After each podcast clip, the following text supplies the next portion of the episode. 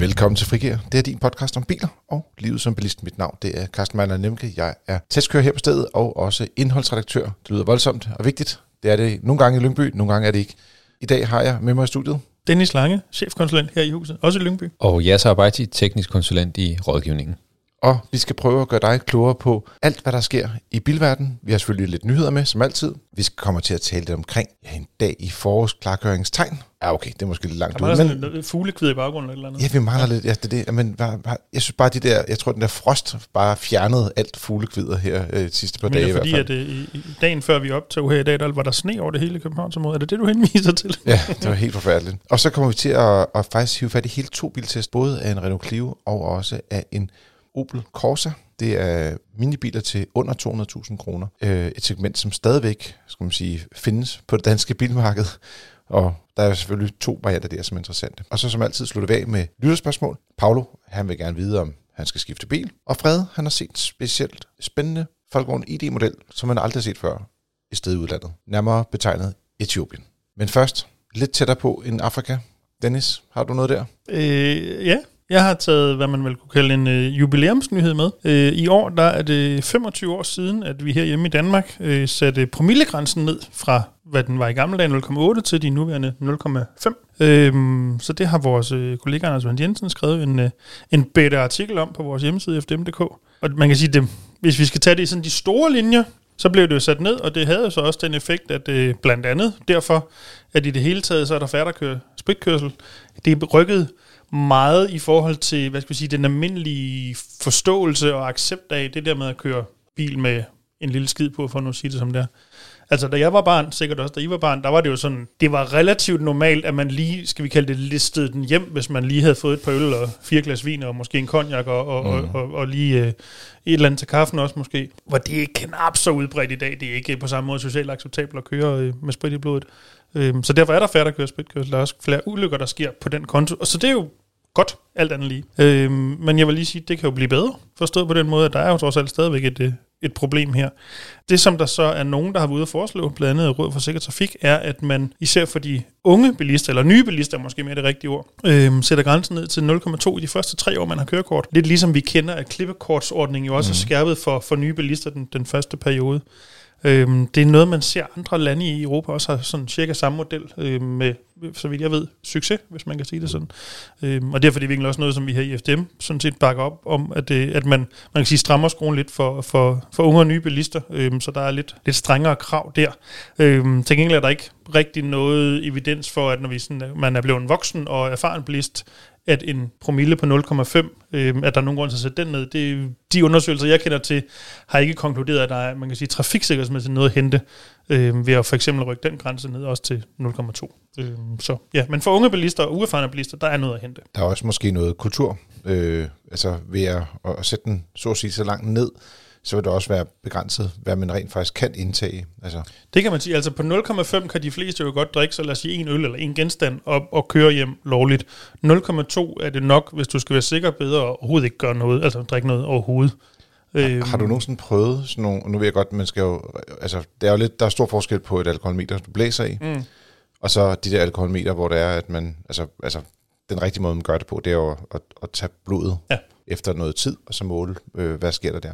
Men der skal altså noget mere end øh, en genstand til at rykke op der omkring med en større kropsvægt. Som, Jo, men det er jo jeg Undskyld, afhængig, altså. af, hvem der Hvis du lidt mere, skal jeg tror, kalde Dennis og jeg vil ikke have det, der hedder et, øh, et 0,1 øh, tons øh, regi. det, det, lyder, det ikke en pæn måde at formulere det på. men, men altså, man kan sige, hvis du er lidt mindre eller, eller spinkel, det, ja, så det- for det eksempel, nogle så, gange- så kan ja. en øl eller to øl være nok til, at du kommer over grænsen, derfor en øl er det, du reelt kan tillade dig. Ja. Ja. Så blev, fik vi alle tres kroppe bragt ind Ja, i det her heldigvis. afsnit. Det er længe siden, vi har talt om jeres kroppe og min krop. ja, det er det. Nå, men det var mere bare for at sige, at når, når folk de sådan tror, at altså, altså det, det, det er, en- altså, jeg synes faktisk, grænsen er ret høj med 0,5 i Jamen, virkeligheden. det, det, Øh, det kan man sige. Men man kan sige, uanset hvad, det allerbedste, uanset hvad grænsen så måtte ligge på, og kommer til at ligge på, det allerbedste er jo, lad helt være med at drikke, når du skal køre bil. Altså, så er der ikke så meget at rafle om.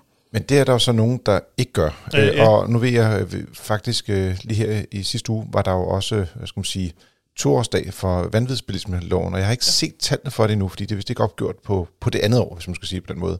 Men efter det første år viste det sig jo, at de fleste, der fik øh, skal man sige, inddraget køretøjer og blev sendt i fængsel, nu griner jeg, mens jeg siger, at det er selvfølgelig øh, ret alvorligt, men de fleste af dem, det var faktisk på grund af øh, druk, og så siger man, hvor meget skal der så til at druk, for at du får, øh, skal man sige, bliver dømt for vanvidsbilisme? Det er 2,0. Ja. Jeg vil bare sige, der kan man ikke gå. Nej, det er altså, medmindre man er øh, hardcore trænet alkoholiker, så kan det muligvis nok, men de andre kan ikke altså, man sidder og tænker, hvordan i alverden de kan starte en bil, når de har så stive. Det er helt utroligt. Øh, men, ja. ja. Det, men det er bare for at sige, det er derude. Det findes derude, Jamen folk, det, der, det, der det drikker, når de kører bil. Bestemt. Desværre. Men øh, hvis man sådan vil vide lidt mere om øh, man kan sige, historien omkring øh, promillegrænsen og så videre, så synes jeg, man skal gå ind på hjemmesiden og, og læse øh, Anders' meget fine gennemgang af, hvordan tingene kom til. Og der er også faktisk en beskrivelse af, hvordan man føler promillerne, så at sige. Altså der er en beskrivelse af, hvad sker der egentlig med kroppen, og hvor, hvor, hvad er det for nogle sanser, man mister undervejs, når man bliver mere og mere fuld. Jeg har en nyhed med fra Sydkorea. Vores øh, gode gamle, øh, grimmeste bil, Sangyong, øh, kommer tilbage øh, med et nyt navn. Sangyong, øh, hvis der er nogen, der kan huske øh, Sangyong, så var det jo... Øh, et bilmærke fra, fra, fra Østen, som havde en, ja, det kunne være en, en meget grim façon, og så en Mercedes motor liggende. Øh, det, var, det, var, det var nogle meget specielle biler. Øh, vi havde dem ikke så længe, øh, synes jeg. Øhm, og det, og vi havde ikke vist nok i stykker ret hurtigt, gjorde det ikke? Jo, og så var det vist...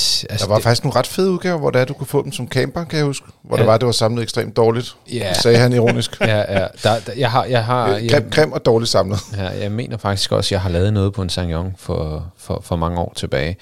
Men hvorom alting er, så, um, så kommer Sanyong tilbage, og de kommer tilbage som, uh, som et, uh, et nyt mærke, uh, og det hedder KG. Det er øh, en stålproducent fra, fra Sydkorea, som har overtaget øh, mærket, og som, øh, som skal producere biler fremadrettet. Øh, vi kommer til at få dem herhjemme i Danmark. Øh, den, øh, den danske importør øh, RSA øh, som har nogle kinesiske biler i forvejen, tager også det her mærke. Nu er det ikke, fordi det er en kineser, men, men, men de har nogle, nogle nye modeller, kan man sige. Øh, og det her, det bliver jo så også noget nyt. Og det, man kan sige, det er, at øh, der er faktisk, øh, de holder fast i, øh, i, nogle, i nogle navne, som Rexton. Kan du huske den, Carsten? Ja, det kan jeg. Det synes jeg faktisk er et ret fedt navn. Ja. Og det er faktisk også, som jeg lige kan huske, at øh, mine, eller ikke min, Sangyongs modelrække i hovedet, den ja. første Rexton ja. var faktisk okay pæn, ja. som den eneste. Ja.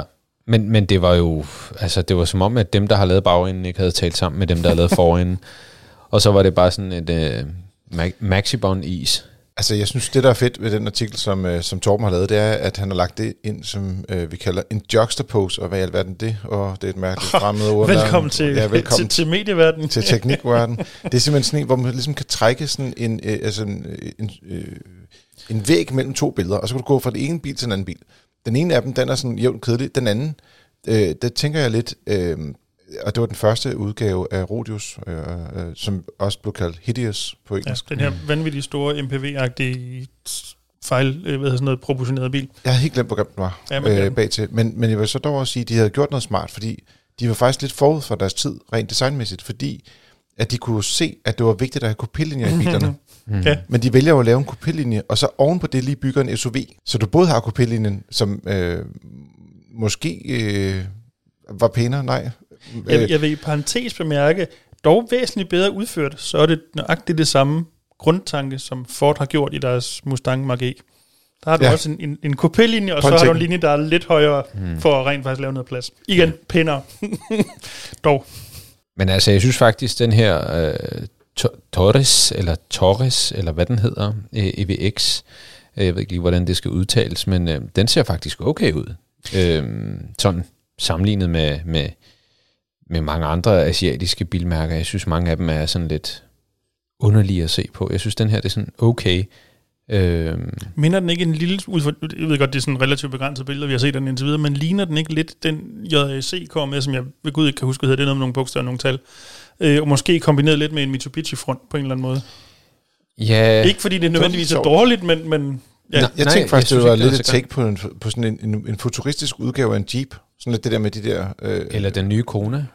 Ja, og den nye Kona. Mm. Ja, lige præcis. Det er en blanding af de to for mig. Mm. Så øh, det vil sige, at den ligner øh, sig selv. Så, Og jeg synes, det er øh, en helt anden øh, øh, verden i forhold til der, hvor de var før i hvert fald. Ikke? Det må man sige. og så men ser det ud som om ladestikket altså, er på venstre forskærm. Det er lidt interessant. Det er jo kun øh, Audi øh, øh, Q8 e-tron, som den hedder i dag, øh, der egentlig har noget stående derom øh, blandt de lidt større elbiler. Nå, men ellers er det ty- typisk en placering på plug-in hybrider. Det var, Ja, lige præcis. Men det, det, det vil vi glæde os til at se. Vi ved ikke rigtig, hvornår at øh, bilerne bliver lanceret i Danmark. Det har vi ikke fået nogen oplysninger om. Øh. Men hvis man ønsker at se nogle billeder og, og, og ligesom få en fornemmelse af, hvad det er her for noget. Øh, jeg synes faktisk, at interiøret fra, fra den her Taurus også faktisk ser ganske glimrende ud. Men det kan man læse mere om ind på vores hjemmeside. Min nyhed i den her uge, det er, øh, det går lidt på bilsalget. Og det jeg nu vil anbefale, øh, det er, at du, hvis du kører, hold ind til siden, så går du ind på fdm.dk, og derinde, der har vi en nyhed om bilsalget i marts måned. Og vi kan godt tage hovedlinjerne her, men fordi at der er lidt øh, påskeferie, så er vi lidt presset af, at vi ikke lige har rundet den første endnu. Og dermed har vi ikke det eksakte tal. Men som det tyder på lige nu i optagende stund, så øh, runder de som minimum 2.500 øh, biler øh, solgt af den bil, der hedder Tesla Model Y. Og vi så øh, store prisnedsættelser i starten af januar måned, den 13. fredag den 13. for at være helt præcis. Øh, og det er ligesom bølgen, der ligger efter det. Det vil sige, alle det, der er kommet alle de her bagstrukne udgaver nu, kommet til Danmark, de bliver indregistreret, og de bliver bare sprøjtet biler ud. Jeg synes, jeg stod et sted, hvor der var, var det 60 biler eller sådan noget, eller 70 biler på en dag, de har udleveret i Ribe, tror jeg nok, det var. Så sidder man og tænker, okay, så går der altså bare hurtigt med at aflevere nogle biler. Men jeg vil også sige, altså, hvis du færdes i hovedstadsområdet, du kan ikke kaste en sten i nogen retning, uden at ramme mindst en hvid Model Y. Jamen, det er helt vildt. Mm. Altså, og, men, men det er jo som sagt, øh, det sker også i Jylland, så Mm, det er ja. altså, det er, det er virkelig, øh, skal man sige, de har taget Danmark med storm med de her øh, lavere priser. Folk, de er styrt ud for at købe dem. Jeg tror, vi har fået 3-4 stykker her i huset. Ja, er det ikke vildt? Jo. Og, og, og hvad er det, øh, jeg synes, det er ret øh, bemærkelsesværdigt, og det er også sådan, at de står stort set for øh, hver femte nysolgte bil i marts måned. Mm. Altså, øh, altså en bilmodel. I øvrigt en, en Det er jo helt dansk vildt. kontekst ikke sådan super billig. Altså, I går, Nej. som model isoleret set fin pris, men hvad, hvad vi plejer at købe som dansker, er ikke en super billig model. Nej, t- øh, 370.000 plus, ikke? Ja. 375 for at være helt ærlig, ikke? og så opad. Øh, så, men øh, jeg synes bare, det er meget bemærkelsesværdigt, Øh, det der sker lige i øjeblikket, og, og også lidt vildt. Men nu har de jo også altid været sindssygt glade for at indregistrere biler i den tredje måned i et kvartal, mm. øh, hensyn til deres øh, regnskabs, og, og, så det er ligesom den måde, de kører på hos Tesla. Øh, de har dog også leveret rigtig mange biler, både i januar og februar, så øh, lige nu så er der ikke nogen tvivl om, at øh, den mest solgte bil i Danmark i øjeblikket, det er faktisk en amerikansk elbil fra Kina eller Tyskland. Bygget i, vel at mærke, Ja, Kina og Tyskland. Ja, jo, ja, ja. Yes, sorry. ja Du kigger lidt spørgende. Nå, nå, nå, ja, nej, det gør jeg ikke. og, og den, og den øh, øh, nummer to på listen ser ud til at blive en Peugeot 208, så det er stadig øh, øh, det, As som man usual. forventer. As usual. Mm-hmm. Så, øh, så det, nyheden er i virkeligheden det her med, at man har fået en ny øh, konge i byen på den konto. Og salgstallene her i marts er så ekstreme, at vi, når vi går tilbage i bilsalgsstatistikken, tilbage til 80'erne også, tror jeg, der vi har været, for at finde ud af, er der nogle andre måneder, hvor der er blevet indregistreret så mange af en enkelt type bil, og vi har ikke kunne finde noget endnu. Så det er simpelthen, øh, skal man sige, en, en dansk rekord. Øh, Jeg kan da huske for, det er jo nogle år tid tilbage efterhånden, at øh, Volkswagen op øh, var et eller andet sted over 1000 på en måned, og dengang var det helt fantastisk, og nærmest aldrig, ah, det godt vi jo set før, men til Ja, ja, der var nogen- aldrig set før. Men, Der var nogen, der havde været højere op, Ja, ja, også, ja. ja. også op over 2.000, men det her, det, øh, det er den nye rekord, Ja. ja. som det ser ud.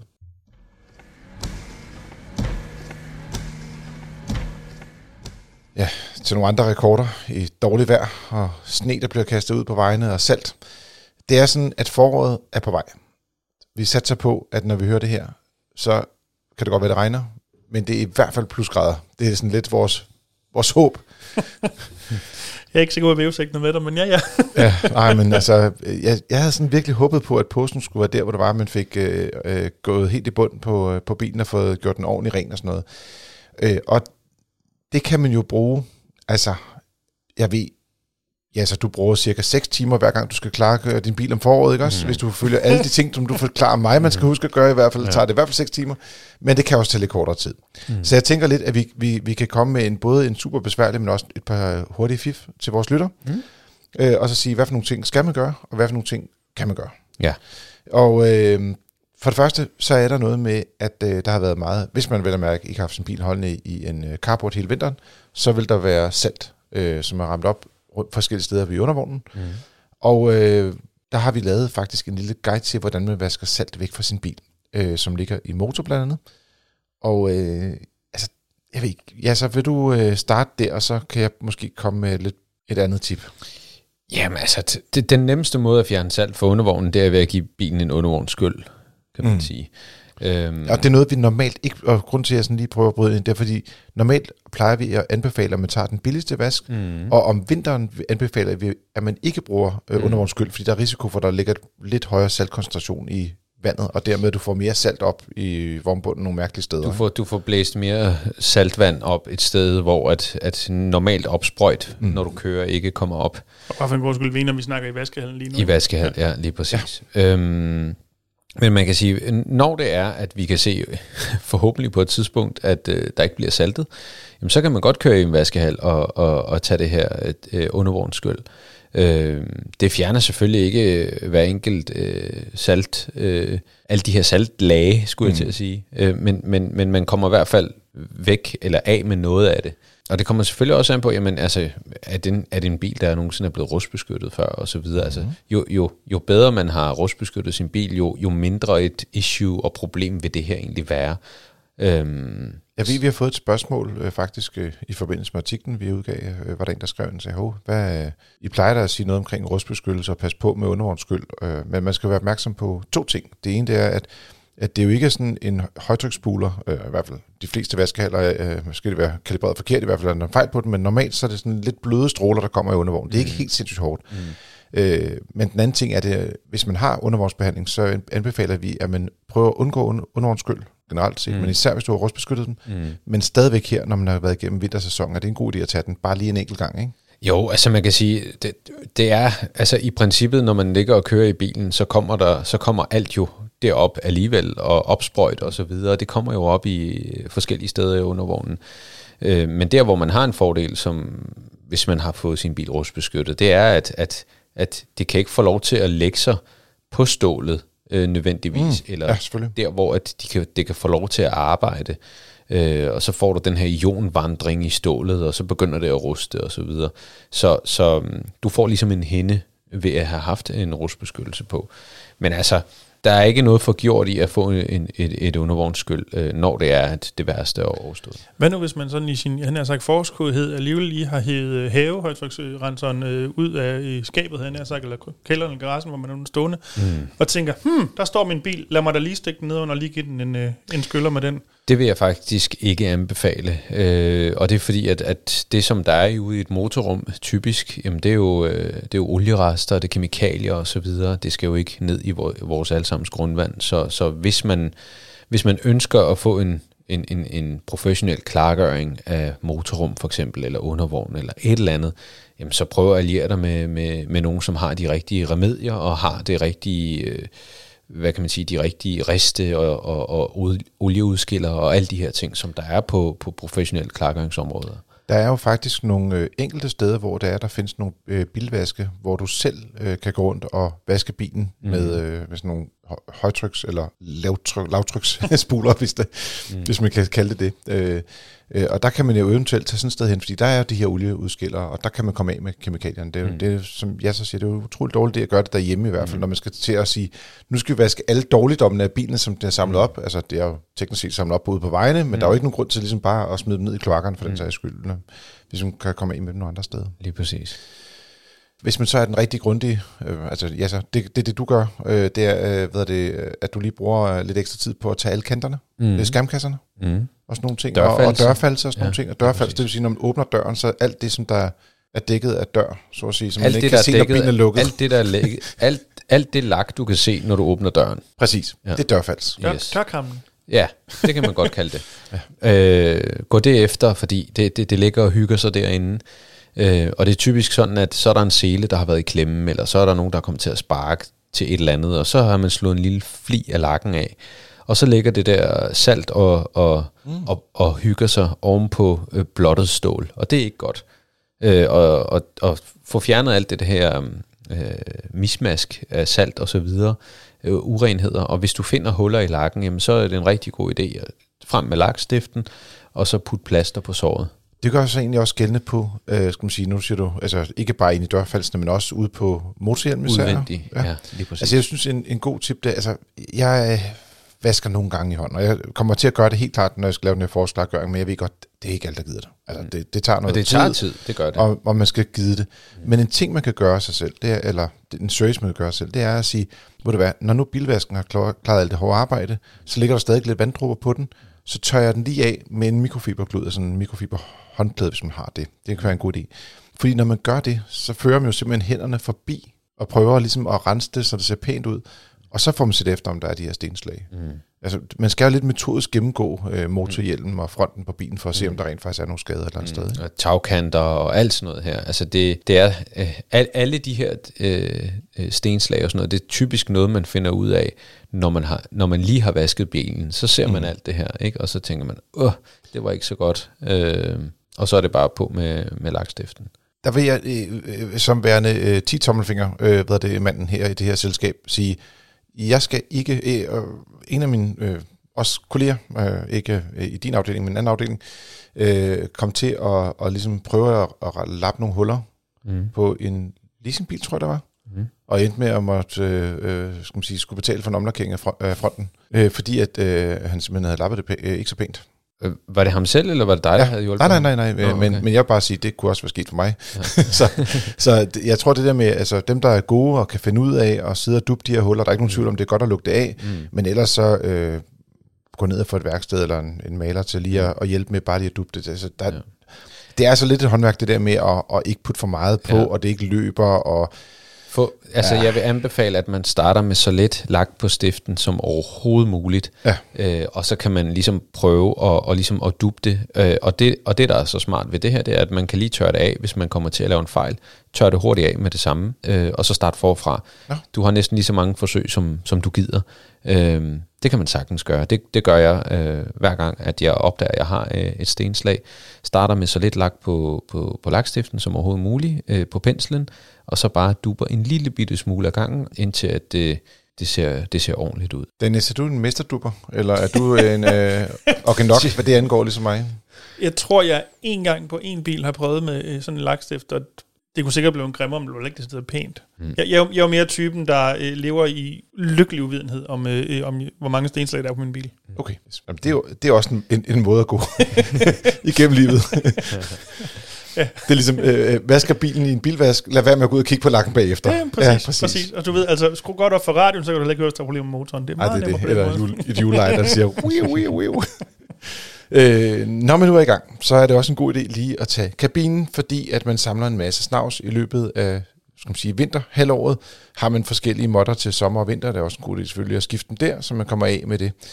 Der kan være ret meget fugt i bilen, øh, som er opsamlet sig hen over vinteren, i, især hvis der er meget snavs, øh, det, skal man sige, som ligger i vognbunden eller alle mulige andre steder, så det er godt at støvsuge og virkelig komme i bund med, med den her del af det. Mm. Og når man så er i gang med det her støvsugning, fordi så lang tid behøver det heller ikke at tage, men bare lige kom, kom rundt med en støvsuger og få det fjernet det værste, mm. øh, så tag også lige at, at, at fjerne støv i, i kabinen. Det kan man gøre meget let med en mikrofiberklud, hvis ikke man vil bruge så meget tid på det. Rens eventuelt, de- hvis der er nogle spejle. Altså jeg har altid en mikrofiberklud liggende i bilen til lige at rense øh, spejle og også trykskærme faktisk. Mm. Det er ret nemt. Må jeg stille et, et ja, støvsug selvfølgelig. relateret spørgsmål, sådan ud af det blå? Har I nogensinde, nogle af jer, prøvet det, som man lidt ser på øh, de sociale medier, at sådan nogle bilmotter og biltæpper i bunden af en bil, har jo en exceptionel evne til at holde fast i det støv, der nu engang skidt, der er kommet ned. Ikke umuligt at stø- støvsuge op. Jeg har set flere, der har taget en af de her, øh, jeg var lige sige nymonster, hvis jeg må lyde gammel, øh, sådan en massagegun, og sætte Hvad? på, fordi det giver vibrationer, og så hopper alt grus, og så kan du støvsuge det af. Mm. Jeg har ikke selv prøvet, om det rent faktisk virker. Det ligner, det virker. Jeg har bare ikke prøvet det. Du kan også bruge en, øh, øh, jeg var lige ved at sige vinkelsliber, men, men en polermaskine, det kan du også bruge med, med en, en svamp, så den står og, og ryster mm. det her øh, sand op. Øh, jeg ved, der er nogle af de her klargøringsfolk, øh, de, de bruger den her metode. Så der er rent faktisk Det, det noget virker. om det. Ja, ja, det virker. Det virker. Ja, det er jo ligesom at banke tæpperne bare på et mindre Ja. format i virkeligheden, Det- ikke? og det hvor kan det er, at du ikke har støv overalt. Mm. Altså, hvis man har prøvet at stå og banke sådan nogle måtter rene. Ja. Skal man ikke gøre det lige efter, man vasker bilen, fordi så er der støv overalt jo. så. Det er en af hemmelighederne, som klargøringsmændene de, de har. Det er en af, ja, en af de ja. her. Så, så det, det, det, det fungerer faktisk. Så er det godt. Vi har derhjemme en massagegun liggende, som stort set ikke er blevet brugt, siden vi købte den. Det kan at jeg måske skal overveje se, om den virker til det. så, så får den da i hvert fald en funktion. Ja, og jeg ved også, du, er det ikke også noget, du har også en af de her transportable øh, håndstøvsugere? Øh, jo. Jo, som fungerer godt. Ja, altså, det er jo virkelig det er jo ikke en håndstøvsuger, men det er det også. Det er det også, ja. jeg ved godt. Det er sådan en multi-støvsuger. ja, ja, præcis. Men, men jo, øh, med diverse, øh, hvad hedder sådan noget, tæppe, øh, turbo-bundstykker, tror jeg det hedder, ja. som også kommer lidt længere i bund og så videre. Det plejer jeg også at bruge, når jeg støvsuger bil. Meget nemmere. Meget nemmere. Øh, ved det, og, og det vil jeg sige, det, det er klart, kan det øh, anbefales at få sådan nogle håndstøvsuger, eller skal man sige, øh, multi-håndstøvsuger, mm. øh, med de rigtige øh, hemster hemstergemser på, ligesom øh, Dennis har. Mm. Det er i hvert fald også lidt afhængigt af, hvor du bor. Altså i, i gamle dage, hvor jeg boede i lejligheder, inden vi fik den her øh, trådløse støvsuger, der var det jo sådan en, var jeg ude i en 25 minutters forlængerledning op fra lejligheden på tværs af trappen, som alle skulle bruge og så videre, for at komme ned i gården, hvor bilen holdt, for at kunne sætte støvsugeren til, som var med ledning. Altså det kunne da altså gøre, men det var også noget bøvl.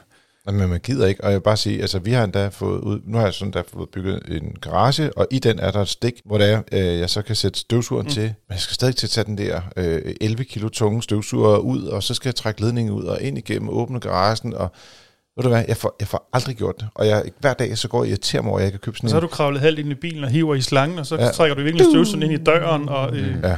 ja, det er bare noget jævnt møg. Øh, og det var det, man skulle fjerne. Nå, øh, en rigtig god idé, det er lige at tage vinduerne, nu man er, er i gang, og, og skal man sige, det er blevet godt vejr, og, og de rent faktisk kan, kan tørre bagefter. Øh, man kan bare tage dem med ganske almindelig vinduesrens til, til huset. Ja. Tag dem indvendigt. Øh, så lige for tørt af, der kommer altid sådan lidt øh, film på, på indersiden af ruderne. Mm. Og det skal bare fjernes en gang imellem. Så det kan man lige så godt få gjort her, hvor man har lyst til det. Til efteråret er det også en rigtig god idé at gøre det, men der er det bare så koldt, at man ikke rigtig gider. Så øh, husk at gøre det her om foråret, hvor det er, du ligesom har motivation til det. Og så er der lidt med sommerdæk, som man måske skal skifte til, eller hvordan ser verden ud, ja så? Jamen altså, det, lige i øjeblikket, der, der er det jo så koldt, så, så det faktisk ikke giver mening. Øh, men, men altså, når den her podcast udkommer, så ved jeg ikke, om, det, om vi har fået et vejet temperaturskifte. Ifølge øh, vævesigten, nej. nej. Jamen så, Men øh, meget kan jo ske. Så, så, så tænker jeg, at, at man måske skal, skal trække den lidt i ørerne lidt endnu, og så vente til, at, at, at vi har et mere vejet skifte øh, omkring de her 10 grader, måske 7-10 grader. Øh, og så må man jo slå til og, og få skiftet de sommerhjul. Altså jeg synes, at den store krise er, at hvis der falder... Øh den hvide puder for luften, mm. øh, eller der kommer islag. islag det er ja. mindre sandsynligt lige nu. Men, men, men trods alt, hvis det sner, mm det, det er en krise på sommerdæk. Mm.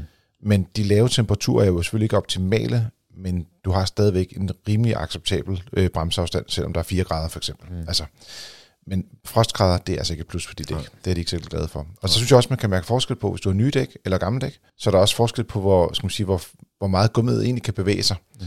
Så nyere dæk har det med at klare sig en lille smule bedre. Mm. Så. Mm. Men det er i hvert fald, øh, der er mange, der, øh, det ved jeg i hvert fald, øh, der, der allerede har fået skiftet, og som øh, har kommet i problemer, mm. fordi at der jo har været sådan lidt, lidt en, en sen vinter øh, igen i år, kan man sige. Nå, ja så. Du, øh, jeg, jeg, jeg har skrevet noget, der hedder Jassers Hjørne, og det, øh, selvfølgelig skal det ikke være evigt, men der, der er nogle ting, øh, som hvis man er sådan særlig køndig, og man har de der 6 timer på en lørdag, øh, man kan gå igennem ned i motorrummet. Mm. Kan du ikke lige øh, tage nogle af highlightsene der? Jo. Øhm, man, skal, man skal sørge for at få påfyldt noget sprinklervæske. Øhm, og lige i øjeblikket, igen på grund af temperaturen, så kan det godt være, at man skal bruge noget af det sidste vinterspandlervæske, man har. Øh, for det kan godt være, at vi, vi stadig kommer til at ligge omkring de 0 grader. Jeg bruger det altid, altså vildt året rundt. Ja. men, er der, det, der ikke? Er der noget når I nogensinde skifter? Nej, der er ikke noget galt, der er ikke noget galt med det, men man kan sige, at du kan få, også få en sommerspandlervæske, som er rigtig god til øh, sådan noget med at opløse sådan nogle øh, ah, insekter, insekter og så videre. Ikke? Men, men, øh, men har du vinter- og sommer øh, sprinklervæske, øh, så, så gør brug af din øh, vintersprinklervæske lidt endnu. Øh, men sørg for, at du har noget på. Der er ikke noget værre end at, at køre i sne og chap og nedfald og alt sådan noget her, hvor, hvor at, at du ikke kan rense dine ruder. Så det kan man starte med. Så er der motorolien. Det er rigtig vigtigt, at, øh, at motoren har øh, tilstrækkeligt med olie på. Øh, så pejl øh, olien og se, om, om det er ok. Øh, har du en... Pejl? Ja, at man lige, Hvad betyder det? At man pejler, at man lige ser på, om der er tilstrækkeligt med olie på oliepinden. Nå, okay. Ja. Øh, okay, jamen godt. Dennis? Ja, nej, det var så et nyt udtryk for ham. Jeg kunne godt lure, hvad det, hvad det gik Ja, jamen, jeg, jeg, jeg, det, det var bare lige, vi skulle lige være sikre. Jeg tænkte bare sådan, øh, øh, mål øh, olieniveauet ved at kigge på det, er en oliepumpen. pejling, det er en pejling af olien. Godt, okay, Ja. tjek. øhm, så Så, men lad os øh, pejle os videre igennem det her. Øh, sørg for, at der er tilstrækkeligt, som sagt, med olie på, og hvis den mangler en smule, jamen så hæld det rigtige på. Øh, har du en dieselbil, som måske har mange øh, korte ture, dårlige ture osv., Mhm. mm. så s- vær lige ekstra opmærksom, om der er for meget olie på, så kan det godt være, at du skal en tur forbi værkstedet og få det skiftet. Ja, så kan det både være kondensvand og teknisk set vel også lidt dieselolie, der er kommet i. også? Dieselolie, det er Ja. det største issue ja. her. Ja. Yes. Øh, og hvis der er andre væsker på, det er der jo som regel, øh, kølervæske øh, på, på, på systemet, jamen sørg lige for at se, om der er nok i, i ekspansionsbeholderen. Øh, og hvis der mangler, jamen så fyld det rigtige på. Vær opmærksom på, at du skal ikke bare købe noget, øh, der kan man kan godt have en tendens til at tro, at, at farven har en betydning, men det er ikke farven, det er indholdet af, af, af de her forskellige glykoler, man, man ligesom Ah. skal vælge. Okay. Så, så vælg det rigtige, det der passer til bilen. Og hvis, ikke, hvis du er i tvivl, så få et værksted til at gøre det. Ja. Øhm, og så, øh, som altid, jamen, så øh, dæktryk, øh, viskerblade, de skal være i orden. Øh, lys og lygter. Øh, du kan ikke selv se, om der er stoplys på, øh, medmindre du står et eller andet sted, hvor der er, er et, et spejl eller et eller andet. Få nogen til at hjælpe dig. Øh, nummerlys, øh, baklys, togelygter. Det hele, det skal virke. Øh, så, og så, så, så skulle man gerne være klar til, til sommeren. Hvis man ikke øh, har de der lyst til at bruge de 6 timer, eller måske øh, 10 tommelfingre som mig, så kan man jo få andre folk til at klargøre bilen, øh, og, og give bilen sådan en, det man vel kan kalde en professionel klargøring. Mm. De findes i forskellige regier, og med væsk, øh, sæder og alle mulige ting, man kan vælge. Jeg vil bare sige, hvis man har haft bilen sådan 4-5 år, så begynder, og man tænker, okay, økonomien er ikke til at skifte bil lige nu. Mm. Vi kører lige et par sæsoner til, så kan det være en rigtig god idé lige at sige, okay, så bruger man måske et par tusind kroner på at få sådan en ordentlig klargøring. Mm. Det er måske ikke sådan den der, hvor de dybdepolerer lakken, og den bliver helt super lækker, men bare vi siger, vi får renset kabinen helt i bund. Det er den, du er i hele tiden. Og det er der, du får fornemmelsen af at komme ind i en ny bil igen øh, bagefter. Så det vil jeg sige, hvis der er nogen, der går derude og tænker lidt, okay, vi, vi skubber lidt øh, bilbytteplanerne, men vi kunne egentlig godt tænke os lidt fornemmelsen af en ny bil, jamen så Mm. Giv dig jeres egen bil en chance til, Mm. ved at give den en ordentlig klargøring. Og så to bitte små sidste tricks, det er, hvis du har et aftalt træk, så er det en god idé at tage det af på, skråstreg smøre det, for, for tjekket, at det rent faktisk virker, og ikke har ligesom sat sig fast. Hvis man kører igennem flere vintre i træk, så kan man godt risikere, at de nærmest ikke er til at få øh, af igen øh, på grund af rust eller salt eller Mm. alle mulige andre mærkelige forbindelser. Ja. Og så solbrillerne, ja så. Yes, solbrillerne. Det er, det, man skal være smart, når man kører bil. Øh, Det er fordi, der er lav sol. Nå, nå ja. Også det. øh, stadig lidt fugtig veje nogle gange om formiddagen og om eftermiddagen, og så får du det her, skal man sige, øh, Genskin. hvis- ja, hvad skal man sige, genskær, øh, og Men Der er det bare godt at have et par puller ud, Hele vinteren og hele sommer. Altså forstået med, i min bog skal der solbriller af bilen hele året rundt. Mm. ja, det er hver gang, der er solen er lav, men der, jeg synes bare, Den det er jo generer lavest næsten om sådan- vinteren, hvis den lige skal være, ikke? Ja, det er teknisk set fuldstændig korrekt. men vi har bare rigtig mange dage med, med hvad det, skal man sige, fugtig veje her i løbet af foråret. Ja, ja. Jamen, Jamen, synes, jeg, jeg, og hvor det er om vinteren, så kan det nogle gange blive frostvejr i stedet for, ikke? Om sommeren, der står solen lidt højere. Min, mine, øh, mine, mine solbriller ligger også i bilen altid. Altid. Så, så kan jeg altid tage dem ud, hvis jeg skal have noget andet. Mm. Men de ligger altid i min bil, fordi lige præcis det der med, at man står i en situation, hvor man næsten ikke kan se noget, fordi der er så meget Præcis. genskin. Øh, det er en rigtig god idé. Og det er samme årsag, at man også lige skal tage det der ruderne indvendigt, som vi var inde på tidligere. Mm. Så er det tid til et, en dobbelt biltest. Vi har haft en øh, duel øh, i motor, og på nettet kan man læse øh, testen af henholdsvis en Renault Clio og også en Opel Corsa. Det er, øh, to franske biler. Det er nemlig to franske biler, så, så kægt, som man nu kan formulere det, Dennis.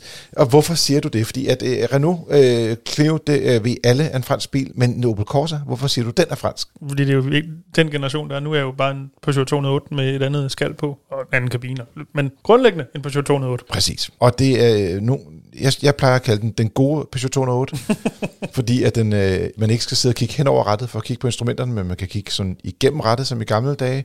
Der er knapper til klimaanlægget, og det har en lidt bedre betjening i, i forhold til det, man har valgt at, at have hos Peugeot. Så på den måde er det egentlig en fornuftig bil. Men priserne, de cykler simpelthen op og ned i øjeblikket. Og øh, da vi gik i gang med at samle ind, der var det billigere, og lige pludselig, da det var, vi var færdige med at, at, at prøvekøre og skulle skrive artiklen, så var den stedet til 200.000 kroner. Jeg tror, den var nede på 180 eller 170 eller sådan noget, da vi startede. Det, var, det er simpelthen et marked, hvor man bliver nødt til at gå ud og kigge, hvad er dagskursen øh, på, på de her biler. Det er ligesom Tesla-aktier, det er nærmest det her. det, det er helt vildt. Øh, Renault, de kører også med en kampagne øh, i talende, skrivende, skråstreg, strund, øh, øh, ligger prisen lige omkring 170.000 kroner. Og øh, så er den lidt speciel i det, at den har en turbomotor. Mm. Øh, ikke så stor, det er på 1 liter. Øh, men det giver den øh, ja, lidt træk, lidt, lidt bedre træk og bedre optræk, end man får i den anden bil, som bare er en 1,2 liters motor. Skulle vi lige dvæle lidt ved den motor? Ja så. Hvorfor en af dem? Ja, den du helst vil snakke om. Du ved godt, hvad for jeg snakker om. Altså Opel Corsa'en? Ja. Mm. Hvorfor, hvorfor er der noget særligt ved den motor? Jamen, øh, hvis man har læst øh, nogle af vores medier, øh, så har vi faktisk haft en del bøvl med, med, med de øh, motorer fra, fra Stellantis, altså Opel Peugeot og Citroën og, og DS for den sags skyld. Øhm, de har haft en del bøvl med, med olieforbrug og opløste tandremme, øh, især på turboladede motorer, der har vi set en masse med, med opløste tandremme, men, men øh, det kan også forekomme på, på de her øh, sugemotorer, som de hedder. Det, det, er dog det er mere olieforbruget, som er den, den kritiske del på de her ikke, øh, ikke turbomotoriserede Lige præcis. øh, motorer. Lige præcis. Altså det, øh, det, det, er, det er næsten dagligdag, at vi ser de her biler øh, have et stort olieforbrug, øhm, og hvor at, at øh, omkostningerne på reparationerne overstiger bilens værdi. Øhm, selvfølgelig ikke, når bilen er ny, men, men, men det kan komme på et tidspunkt, og det starter typisk et sted mellem, mellem de her 60 og, og 100.000 km, så begynder de her problemer øh, at opstå. Så, så det, er ikke, det er ikke en favoritmotor i vores rådgivning, vil jeg sige. Nej, Øh, ved det, og man kan også sige, at når du køber bilen fra ny af, øh, så er der jo to års garanti, så det, i starten af bilejerskabet er man lidt mere sikret. Man kan jo også vælge eventuelt at privatlease, mm. hvis man ikke ønsker at have øh, skal man sige, en risiko overhovedet. Mm. Øh, men jeg vil sige, at de første to år er man sådan relativt godt dækket ind i forhold til garanti, men det snart de to år er gået ret præcist, så øh, begynder øh, udfordringer at dukke op, og så skal man ud og søge kulance, og det er ikke altid lige nemt i hvert fald. Mm. No. Men jeg vil også sige, på trods af det, Øh, det er ikke kun den motors skyld i det, og det er ikke kun fordi, at øh, Clio'en den rent faktisk er næsten 30.000 kroner billigere, men faktisk så føles den også øh, som en bedre bil at køre i. Altså, øh, og, og, og også øh, udstyrsmæssigt øh, får man også mere for pengene faktisk øh, ved at vælge øh, Renault'en. Det eneste minus, der sådan rigtig er på, på Clio-modellen, det er justering af sæderne, som ikke er helt så god, og så er bagsædepladsen faktisk ikke specielt imponerende. Jeg har et ret stort bagagerum, men benpladsen på bagsædet er godt nok det er en minibil. Mm. Dennis, hvad siger du? Vores øh, designchef, Gråstrej også bare almindelig bilinteresseret. Også almindelig du, Ja, ja, du, du, må, du må tage den hat på, du har lyst i dag. Jamen, vi kan, vi kan starte i, hvordan, hvordan øh, de to biler ser ud. Det er jo ikke, fordi der er nogen af dem, der er sådan et festfyrkeri på den måde, men jeg synes dog, at, og det kan der være nogen, der synes er en rigtig god ting, Corsaen har dog et noget mere øh, blød i hat bedstefærdigt tilsnit, end øh, mm-hmm. Clio'en har. Hvor jeg synes, Clio'en er væsentligt bedre designet. Den er, den er mere sådan, ser muskuløs og ungdomlig ud. Øh, men det er jo, hvad man er til. Altså, det, um, ja. Også med de der LED-lys, den har, ikke? Øh, jeg skal sige, kørelys, der ligger øh, langs med forlygterne. Ja, ja det, præcis. Det, jeg synes faktisk, det er ret pænt lavet. Nogle gange ja. ser det mærkeligt ud med ja. de der LED-løsninger. Og så kan man sige, Corsair findes jo også i, det var også sådan, den startede med at komme frem virkelig, i nogle lidt mere spændende tofarvede udgaver. Ja. Øhm, den, I havde til test, var bare en, en sølvgrå på sølvgrå. Det, det bliver den ikke. Sprænsk af. Øh, den, den kan se mere smart ud, hvis man... Øh, ja, har nogle lidt spændende, mere spændende lakeringer, men det øh, tør jeg næsten godt sige, det får man også lov at betale for. Jeg synes, man ser mange øh, lanceringsfarver på, på biler, som er interessante. Ja. Og så lige snart, at øh, bilen kommer på gaden i Danmark, så er den sort, eller ja. hvid, ja. eller sølvfarvet. ja, jeg, jeg, jeg er helt enig, så, og det, det irriterer mig gang på gang, fordi ofte er det jo, jeg siger jo ikke, at det nødvendigvis skal være lanceringsfarven, man skal have bilen i, men det, man oprindeligt har tænkt, er jo det, der virkelig fremhæver de linjer, som bilen er tegnet efter. Når så bare maler hele skidtet sølvgrå for eksempel, eller sort, mm så går det ofte sådan lidt fløjten. Mm. Men igen, det må man, øh, jeg vil lige sige, selv ikke råd, men det er jo smag og behag. Altså. Præcis. Hvad tænk, øh, der var også en anden lille sjov ting, det er, at i Korsagen, der er der, øh, jeg skal sige, manuel rudehejs øh, på bagdørene. Og det er jo ikke fordi, at, øh, at, at det er så hårdt et arbejde, men jeg kan stadig huske, at jeg havde små børn. ja, ja, men, men finden er, når du har sådan nogle børn, der sidder i autostol, og som lige præcis øh, kan sparke derned til, hvor det, de her dørhåndtag er, så lige pludselig hører sådan, lyd, og så og så sidder man og tænker, oh, og så håber man bare på, at, at man, øh, altså, kan man lige nå sådan bagud med venstre arm og lukke vinduet igen, sådan at du ikke har åbne vinduer bag til. Men den gode sidegevinst er, at du ikke har øh, det problem, som du har i en Volkswagen ID-model, at du har, skal skifte mellem det for- eller bagknapper, du bruger. Her er der kun knapper foran. Er du ikke i tvivl om, hvor det er, de reagerer? Jeg vil dog sige, lige i det her tilfælde vil det være en fordel øh, med, med øh, den der folkevognsløsning, for der kan du også låse øh, det, ruderne Mm, ja, bag til. Ja, så hvis vi er med den på. Men det er da lidt en rustik løsning med manuel hejs på ruderne. Ja, det virker ikke så eksklusivt, vel? Nej. Det vil være synd at sige. Er du klar over, hvor mange penge de har sparet? to elmotorer, et ledningsnet og en kontakt op foran. Og derfor er den 30.000 Og, og dyrere nogle end- kontakter anden. bagved. Ja, ja. Ja, Hvis den skal ned i pris, så er det jo det, der skal til. Ja, øh, så er det også interessant, at den dyreste. jamen præcis. Den koster 30.000 mere end den anden. Jo, det, det jo, har jo. ikke rigtig hjulpet. Jo, jo, men, men, men altså, det er... Altså, det, den her, der er jo kun en grund til, at man laver sådan en spareøvelse, ikke? Det er Men jeg vil sige, retfærdigvis kommer det også an på, hvem man er. Altså, jeg kan ikke huske, hvornår jeg sidst har haft nogle af mine bagruder åbent overhovedet. Eller nogen på bagsædet. Det, øh, ah, det kan man. Ja, det sker ikke tit. Nej, det er skal ikke det. bruge alle fingre på hånden for at tælle, hvor mange gange om året det sker. Nej, det er det. Og, og så derfor kan det godt være, at det er et mindre problem for nogle Ja, ja, bilister ja. at sige, okay, whatever is. Men jeg vil sige, at det her det er en bilklasse, som stadig øh, eksisterer, som benzinbiler stadig er populære. Der er, er mange, som ligesom køber en, enten en seniorbil eller en, en starterbil, og ikke rigtig har økonomien til ligesom at, at, at gå ind i elbilsejerskab, eller måske ikke bor et sted, hvor det, kan lade sig gøre. Og der kan de her bens, små benzinbiler stadig være, en, være en god løsning for folk. Man kan jo også sige, i, i, i jeg vil have sagt, det moderne Danmark, hvor med de priser, der er, hvor du, hvis du skulle ud og købe en mikrobil, lad os bare sige en Igo Cross, så er du hurtigt oppe i 150, 170, 180, hvis du vil have den sådan nogenlunde fornuftig Ja. udstyrsmæssigt. Det er samme som Og det ikke her, fordi jeg skal gøre mig dommer om, om den ene eller anden er en bedre bil, men så er der bare ikke langt op til en minibil. Mm. Som Nej. de her to for eksempel. Altså, der, der er ikke langt fra de der øh, Igo Cross, øh, vi har testet. Det var, jeg tror, den var omkring 150.000. Så kan du sige, det er 20.000 ekstra for at få en bil, der er en klasse større. Og nu er der ingen af dem, der ligesom er øh, klassemestre i plads. Mm, nej, nej. Men der er trods alt mere plads i en Clio, end der er i, i Igo'en. Ikke? Mm. Så, så det kunne måske være øh, en løsning for nogen. Og så har de også øh, sådan nogle ting som CarPlay og sådan nogle ting, der fungerer øh, godt i begge biler. Og jeg, jeg synes faktisk, det, det er lidt sjovt, fordi vi har rigtig mange øh, biler til test i øjeblikket, som er elektriske eller plug-in hybrider, øh, fordi det er de biler, der kommer på markedet. Jeg synes også, der er rigtig mange af dem, der er virkelig dyre. Det er meget svært at sådan forholde sig til i forhold til almindelig lønslaverbudget. Mm.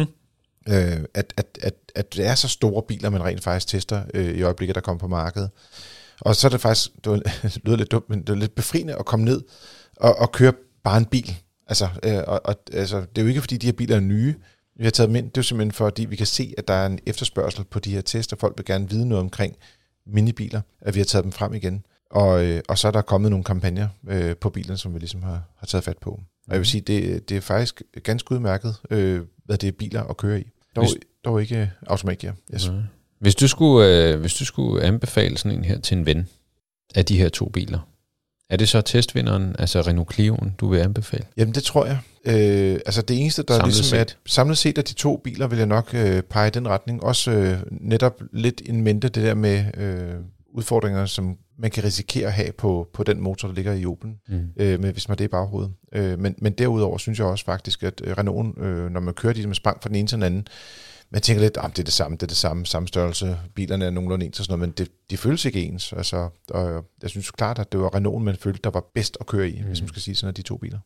Du kan også se, at, øh, at der også var fem trin mod seks trins gearkasse i, i lige de her to biler. Jamen, det er ret klassisk, at hvis de er turboladet, så er det næsten altid 6 Mm. gearkasser. Øh, hvorimod, hvis det er en sugemotor, så er man ikke så glad for at have 6 gearkasser, fordi de kan ikke trække så godt i bunden. Der er ikke så meget skal man sige, moment i dem. mm. Så det er lidt oftere, man ser øh, skal man sige, øh, 6 Mm. gearkasser, når det er turboladede motorer. Mm. Det er ikke alle producenter, der har det dog, men øh, Nej. det er sådan lidt en tendens, hvis man skal sige det. Mm.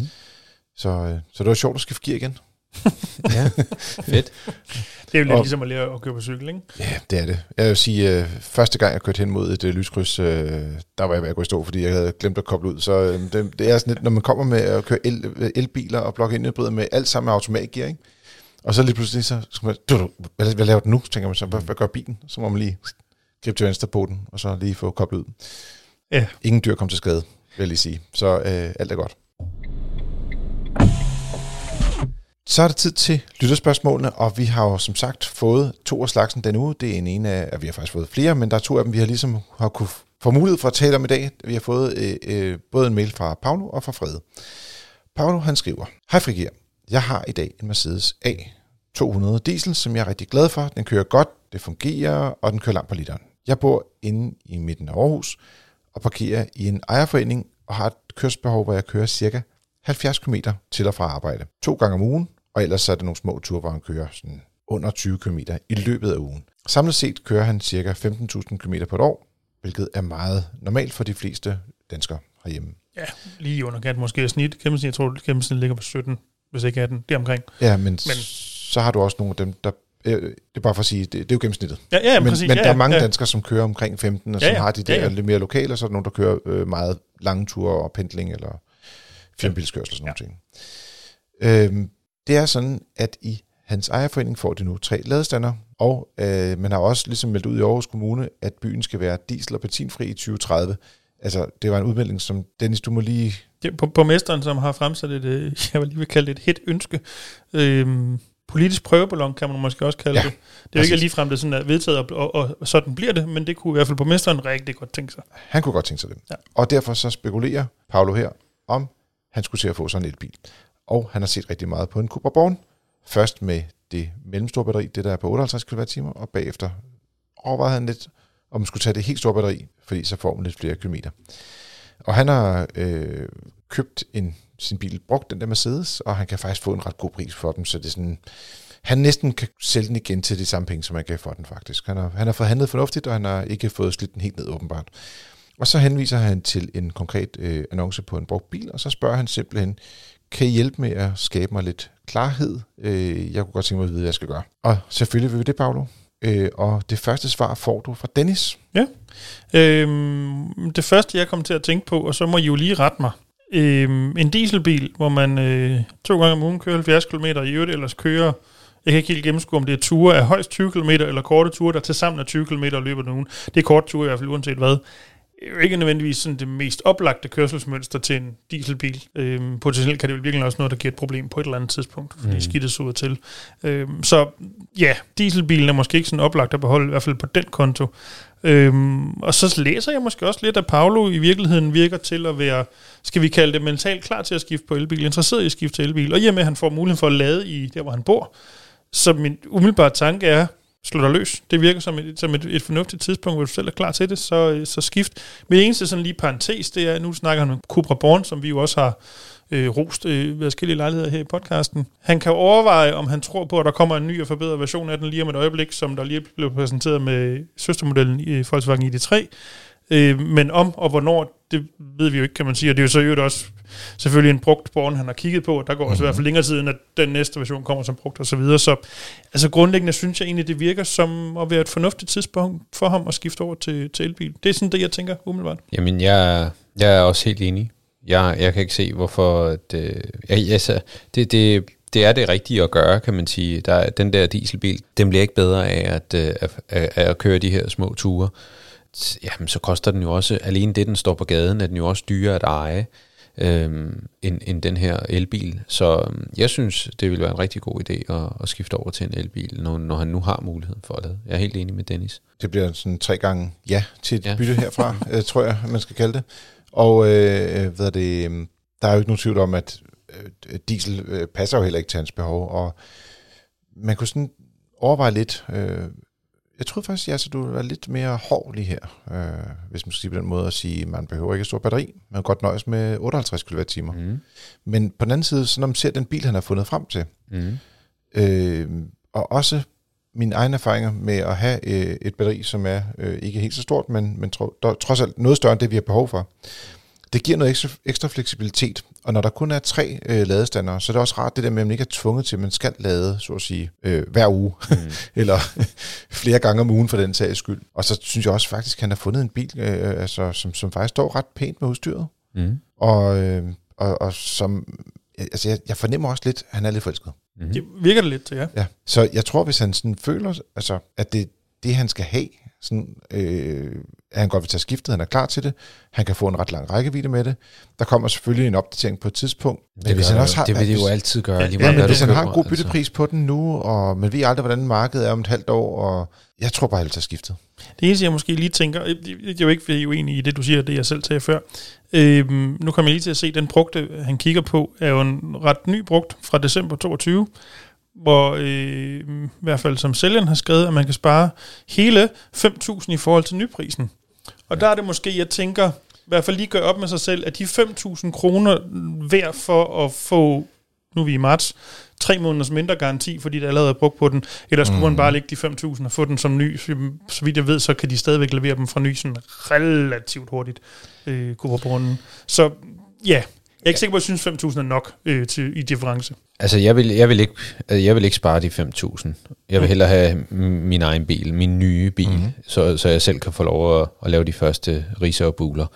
Øhm, og så er der ikke et eller andet, Dennis, i forhold til noget forsikring, hvis man er den første ejer og totalt skader en bil. Jo, kontra uden jeg lige kan huske det nøjagtigt, selvom det er rigtigt, at der er en eller anden øh, øh, grænse for, hvornår at, øh, du så ikke får nybilserstatning mere. Øh, jeg tror, du har ret i, når, når, den, når du er anden ejer, så allerede der er der, der er et issue. Det kommer selvfølgelig an på den konkrete forsikring og forsikringsbetingelser videre. Der kan være noget der. Ja, så, så det, det er en rigtig god idé lige at undersøge med forsikring, om man får den her uh, totale erstatning af nybilsprisen. Uh, og hvis ikke man gør, så vil jeg bruge de sidste 5.000, og så vælge den i en knaldgul farve eller et eller andet, så, så man selv kan Nej, bestemme. det, det må du ikke. nej, nej, men altså man kan sige, nu den her grundfarve, som, som den er i, den kan jeg ikke lide, den som, som Nej, der er men, blevet men sendt. det kan være, det er, den er faldet for. kan og, det, og det er også derfor, jeg tænkte lidt, at hvis man ligesom har fundet den, der ligesom kan det hele. Øhm, Men Men vil igen, du- hvis du kan vil få du den videre som, som ny 5.000? for, om en måned til for 5.000 kroner mere.